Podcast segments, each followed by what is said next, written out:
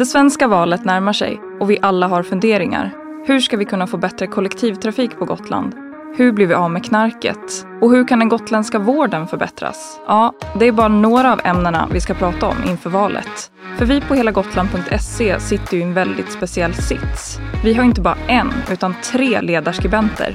Därför tar vi hjälp av dem för att bena ut några av de viktigaste valfrågorna för gotlänningarna.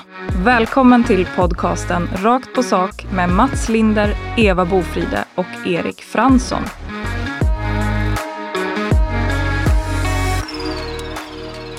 Ja, de utgör ju alltså våra ledarskribenter här på helagotland.se och det är Eva Bofride som skriver på oberoende centerpartistisk sida, Mats Linder som skriver för oberoende moderat och Erik Fransson oberoende socialdemokratisk.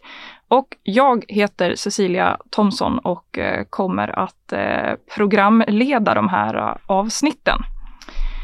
Den här podden, hela tanken är ju att vi ska försöka förenkla olika frågor här inför valet.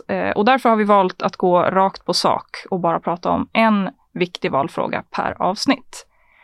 Det här avsnittet ska vi prata om brott och straff och närmare bestämt eh, fokusera lite extra på hur vi på Gotland blir av med knarket. Eh, och vi drar igång med dig Eva. Hur stort bekymmer skulle du säga att eh, narkotikan är här på Gotland egentligen?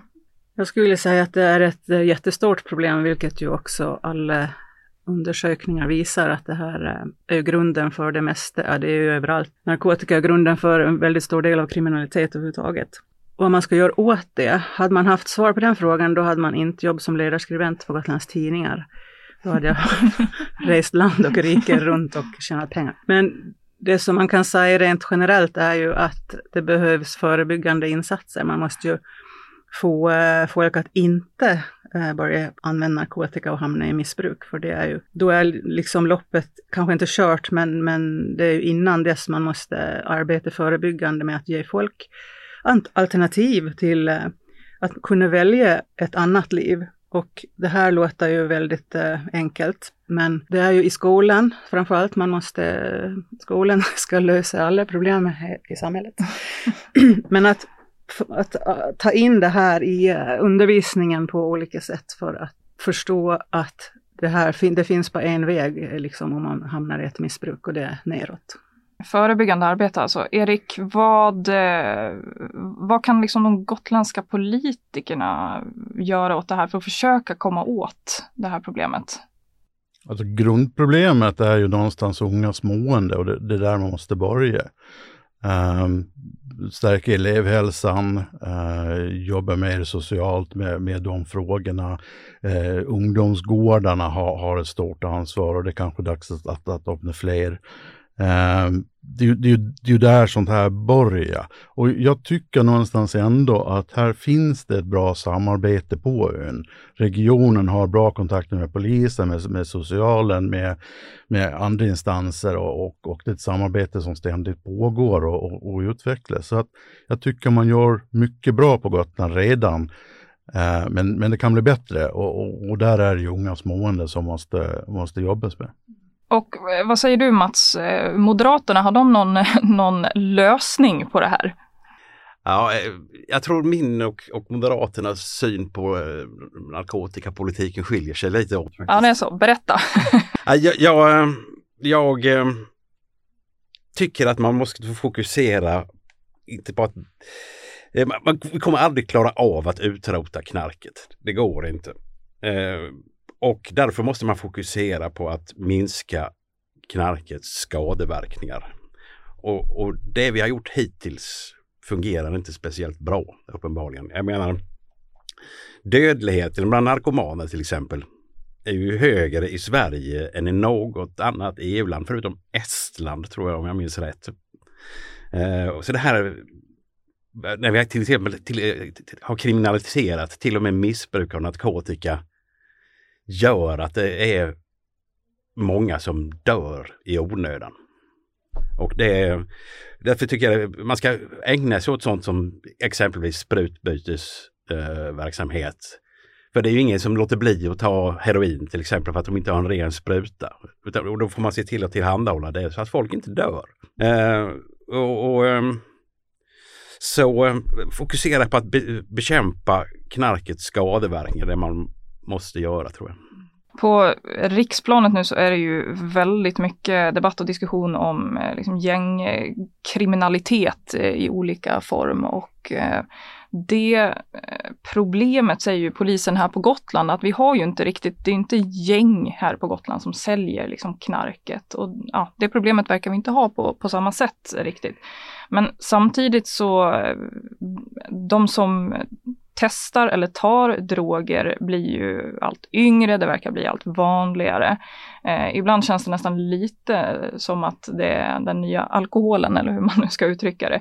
Hur liksom, ja, spåna gärna vidare. Hur, hur kan vi liksom komma till botten med det här? Vad, vad tror du Eva?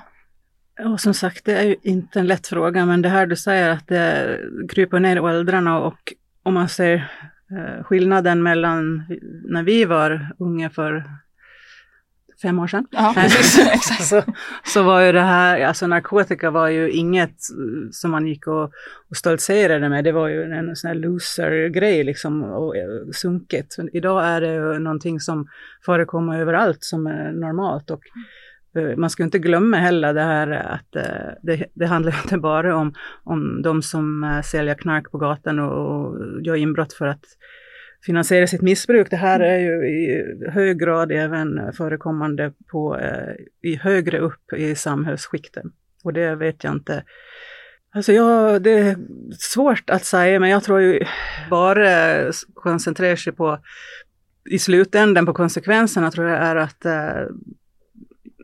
det tror jag inte är rätt. Jag tror man måste börja i andra änden. Eh, och polisen då? Behöver de mer resurser? Erik? Det får du nog nästan fråga polisen om eh, när det gäller just eh, jobbet mot knarket. Men jag upplever att man har det rätt bra här på Gotland. Um, sen, sen, är det ju alltid så att, att mer resurser kan ge bättre, eh, bättre verkan. Fler poliser på gatan och sånt här. Men det, det, är ju sånt som jobbas på. Det finns ju en plan på, på, på fler poliser inom, inom ett x antal år. Eh, så det är ju någonting man bygger på hela tiden.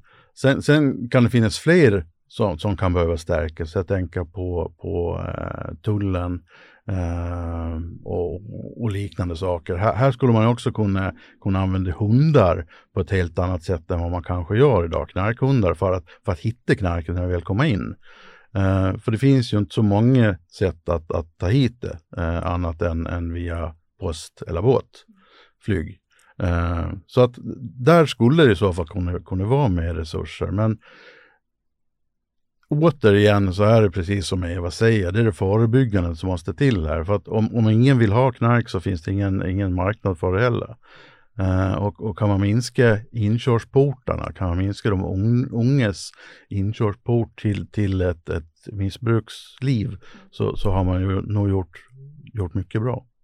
Eh, på frågan om, om det behövs fler poliser kan jag oförblommerat säga ja, det gör det. Eh, Sverige har faktiskt färre poliser nu eh, i förhållande till befolkningen än vad vi hade för åtta år sedan. Och vi har betydligt färre poliser i Sverige om man jämför med, med, med, med andra europeiska länder.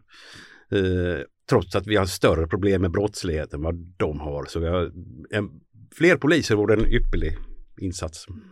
Vi sätter punkt i den eh, diskussionen idag, men vi kommer ju att fortsätta med Valpodden rakt på sak ända fram till valet.